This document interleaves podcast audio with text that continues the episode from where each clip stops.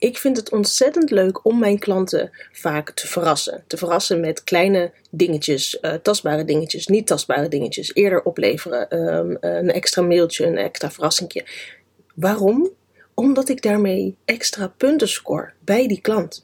Maar waarom is dat nou zo belangrijk en waarom vind ik dat nou zo leuk om te doen? En wat is het effect daar nou op, op jouw bedrijf en je eindproduct en je klanten en je dienstverlening? Dat ga ik je in deze korte aflevering vertellen. Waarom is het dus zo belangrijk om je klanten te blijven verrassen? Dat doe je om fans te maken. Ik verklap gelijk uh, de conclusie. Fans wil je hebben. Wat je met fans namelijk bereikt, als jij fans creëert, echt fans van jou, van jou, van jouw merk, van jouw bedrijf, die blijven terugkomen. En dat is natuurlijk wat je wil, want het is veel makkelijker om een bestaande klant te laten terugkomen dan een totaal nieuwe klant te moeten aantrekken. En vaak zijn we wel geneigd om je juist te, te richten op alleen maar het binnenhalen van totaal nieuwe klanten. En dat snap ik, dat is vrij logisch.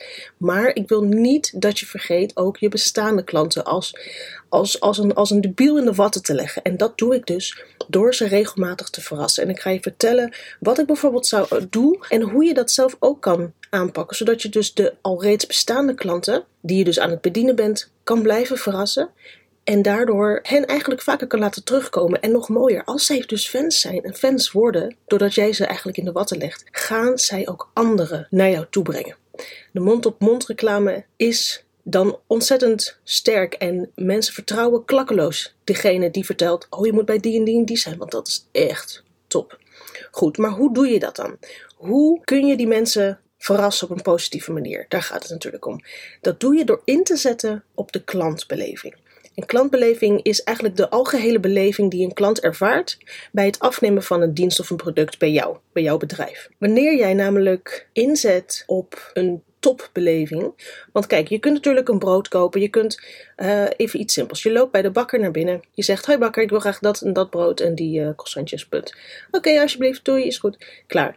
Is ook niet heel veel spannends aan. Maar wanneer bijvoorbeeld die, of die, die bakker uh, de zaak aankleedt in het desbetreffende thema dat er nu speelt. Zeg, nou, ik neem deze podcastaflevering op op 1 november, dan is het net Halloween geweest. Die etalage die hangen dan helemaal vol met Halloween dingen. Dat is een mini puntje, maar wel een punt dat enorm bijdraagt aan die beleving van die klant.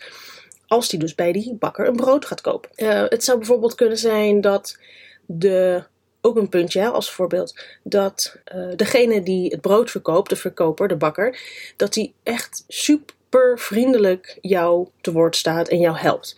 Vaak zijn we natuurlijk geneigd, bijvoorbeeld in de ochtend of, hè, de, maandag, er is, er is weer een werkweek, heel een beetje zagrijnig. Ja, mijn brood, oké, okay, hoi, doei, betalen, doei. Maar als je nou super positief en gewoon ontzettend aangenaam bent als verkoper, kan dat ook al een enorm pluspunt zijn voor iemand die een simpel brood komt kopen. Dat zijn kleine dingetjes waarmee je je klant blijft verrassen en jij weer extra punten scoort. Want dat is de reden. Door die leuke aankleding, door het brede assortiment, door misschien een gratis koekje een keertje voor het kind dat mee is, of door de super, na, uh, de super aangename uh, behandeling die je krijgt. Dat is een reden om voor mij terug te gaan naar die bakker. Daarom ga ik niet naar die andere bakker. En dat kun jij ook bewerkstelligen bij jouw product of dienst. Wat je daarvoor moet doen is heel simpel, want je moet natuurlijk niet al te moeilijk denken. Daar ben ik een beetje op tegen, want dat doen we al vaak genoeg. Het, is, het ligt zo voor het oprapen. En hoe ik daar naar kijk, ga ik je nu uitleggen, want dan kun jij dat voor je eigen bedrijf ook namelijk gaan optimaliseren eigenlijk. Wat jij doet is je loopt de customer journey door die een klant bij jou doorloopt. Dat is de klantreis. De customer is een klant, de journey is een reis, de klantenreis van jouw klant. En wat is een klantenreis? Even in het heel kort. Dat is dus eigenlijk um, het, het, de gehele reis die een klant bij jou doorloopt. Vanaf het allereerste moment dat iemand bij jou, jou in contact komt. Dat kan bijvoorbeeld zijn iemand die zoekt op Photoshoot Den Haag en die vindt jouw website. Dat is een, echt een allereerste contactmoment. Vervolgens is bijvoorbeeld een allerlaatste contactmoment, um, dus de afsluiting van die reis, kan zijn dat jij een kaartje opstuurt met bedankt voor de shoot of er zit een album bij of iets in die trant. Dus de afsluiting van die samenwerking. daartussen gebeurt een hoop. Ga maar eens uitschrijven. Ik bedoel, dan besef je wat die klantenreis namelijk is. Hoe vaak heb jij contact? Op welke momenten heb jij contact met die klant? Uh, wat stuur je hem? Wat, wat, wat verwacht jij van de klant? Nou goed, op een gegeven moment kun jij jouw beleving gaan verbeteren. Jouw klantbeleving, de manier waarop jouw klant jouw product of dienst ervaart, kun jij gaan beleven. En door die customer journey onder de loep te nemen, kun jij tactisch contactmomenten kiezen waar jij jouw klant eventueel extra of überhaupt kan verrassen. Als je bijvoorbeeld, ik zit even nu na te denken over een simpel voorbeeld. Um, nou, een voorbeeld wat ik eigenlijk altijd doe, is eigenlijk een gouden ouwe. Ik roep hem altijd als het gaat over klantbeleving en uh, ik krijg er ook nog steeds altijd zulke leuke reacties op. Een onderdeel, en het is niet dat dat de eerste stap is, maar waar ik het nu over heb, is het contactmoment binnen de customer journey. Wanneer de klant bij mij wil boeken, uh, die, die, die betaalt dan eerst een aanbetaling, zodat ik de shoot officieel kan boeken. De factuur met het restbedrag die wordt na de shoot bij mij uh, betaald, of gefactureerd en dus betaald. Maar na de aanbetaling, na het versturen van de aanbetaling, dus ik stuur de factuur op naar de klant, dat is wederom een contactmoment. De klant die gaat die betalen. Nu weten we natuurlijk dat betalen, waar het ook voor is, is niet leuk.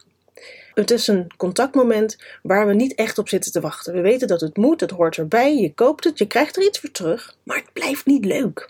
Het doet altijd een beetje pijn. Als ik nu, en dat heb ik dus al ja, dat doe ik echt dus al jaren, Wanneer ik zie dat die betaling is binnengekomen, stuur ik een kaartje op. Die liggen eigenlijk al klaar. Uh, want ik wil zo snel mogelijk na die vervelende stap, hè, die minder leuke stap, het is gewoon minder leuk om te betalen, die wil ik weer. Dat is ook een contactmoment, hè? Het hoeft niet echt het, het, letterlijke contact te zijn tussen A en B. Het is ook indirect het contact. Want als iemand die factuur betaalt, is dat ook een contactmoment. Hij zij, hij, zij, het, is bezig met iets met mijn bedrijf te doen. Dat is ook een contactmoment. Maar de conclusie is al dat het dus niet het allerleukste contactmoment is. Dus ik verras die klant met het sturen van een kaartje, wanneer dus de shoot wel definitief is. Een kaartje met yes, we gaan er tegenaan, let's make deze memories, dan weet ik allemaal wat ik er allemaal opschrijf. Een kaartje waar ik opschrijf dat ik er ontzettend veel zin in heb, dat ik ze wil bedanken voor het vertrouwen nu al, dat we er iets heel leuks van gaan maken, persoonlijk, handgeschreven, wel belangrijk, want dat geeft veel meer persoonlijk persoonlijke aandacht. Um, en dat verrast die klant dus enorm. Die verwachten niet. En 9 van de 10 keer krijg ik een mailtje terug. Super bedankt voor je leuke kaartje. We hebben er ook zin in. We houden contact. Want vaak is het natuurlijk over een shoot, over een tijdje voor een newborn of een bruiloft. Daar doe ik het ook bij. Op die manier verras je je, je klant. Ze verwachten dat niet. En het is maar iets heel simpels. En natuurlijk worden die postzegels steeds wat duurder, maar die 1 euro kun je er echt wel afhalen. Of die bereken je natuurlijk gewoon erbij. Maar dat kaartje is nog steeds zo'n gouden oude, een handgeschreven kaartje. Simpel, up, één, één, uh, het, is, het is een ansichtkaart met één postzegel de deur op. En zo maak je onbewust bij die klant dat minder leuke contactmoment ook weer leuk. Dus het zijn eigenlijk twee vliegen in één klap. Ze worden en verrast door de positieve uh, beleving die ik wil meegeven aan die klant. En vervolgens, of in ieder geval, en tegelijkertijd maak je zo'n minder leuk contactmoment weer iets leuker omdat je het, zeg maar, het, het leuke contactmoment overschaduwt dat minder leuke contactmoment. Dit is een heel simpel voorbeeld, maar ik wil dat jij ook aan de slag gaat. Zeker nu, want het is dus november, dus het laagseizoen is er. Dat is het ideale moment om te gaan kijken hoe jij jouw dienstverlening kan verbeteren. Want we weten allemaal dat we een beetje in een soort sleur in een soort gewenning vallen. En we zijn alweer blij dat we het eind van het jaar hebben gehaald. En dat is niet gek, dat is niet raar. Maar pak dan juist nu even een momentje om te bekijken. Wat zijn alle contactmomenten binnen die customer journey tussen mijn klant en mijn bedrijf? En ga eens kijken of je dat kunt opleuken. Zal ik nog een paar voorbeelden noemen? Ja. Bij een bruiloft bijvoorbeeld. Daar doe ik dit eigenlijk ook, maar ik voeg daar nog iets aan toe. En dat is vaak stuur ik op. Het ligt een beetje aan wat voor pakket ze uh, bij me afnemen. Maar bij de grotere pakketten stuur ik namelijk dus ook bijvoorbeeld een kaartje op, maar dan ook met een cadeaubon voor een bakje koffie van een of andere koffietent in de buurt. Nou ja, als je er eentje koopt, die zit altijd wel in de buurt.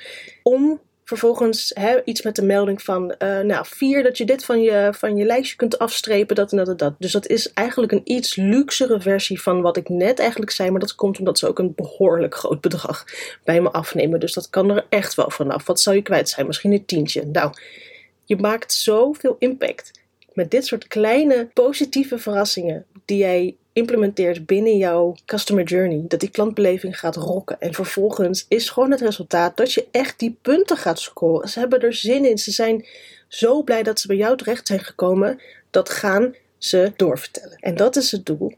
En naast dat, het, dat dat natuurlijk het doel is en je eigenlijk met nog alleen maar leukere mensen mag werken, omdat als het goed is trek jij ook de juiste klanten aan, omdat je de andere kant van je marketing heel erg goed hebt ingericht. Dat is weer een heel ander onderwerp. Maar op die manier krijg je alleen maar leuke klanten, leuke klanten, leuke klanten, leuke klanten. Ik zou ervoor tekenen.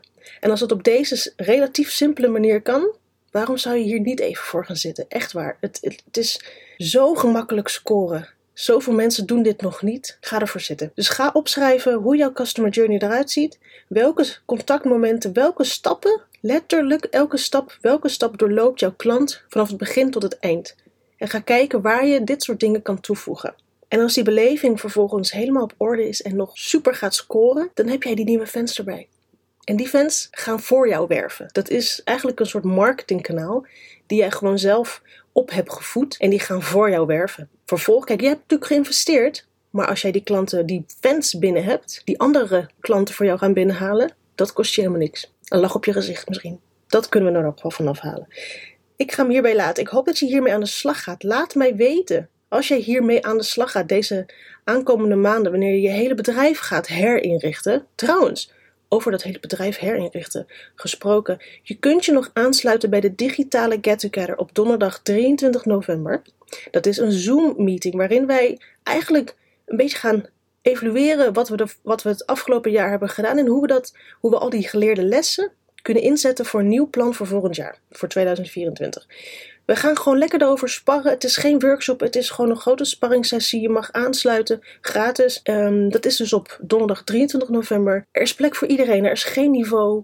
Gewoon groeien, dat is het doel. Maar laat me dus weten als jij hiermee aan de slag gaat, want ik vind het ontzettend leuk om mee te denken. Als je nog vragen erover hebt, stuur me een DM op Instagram. En dan ga ik ervan uit dat je volgend jaar nog meer fans gaat binnenhalen. Hey, ik zie je de volgende.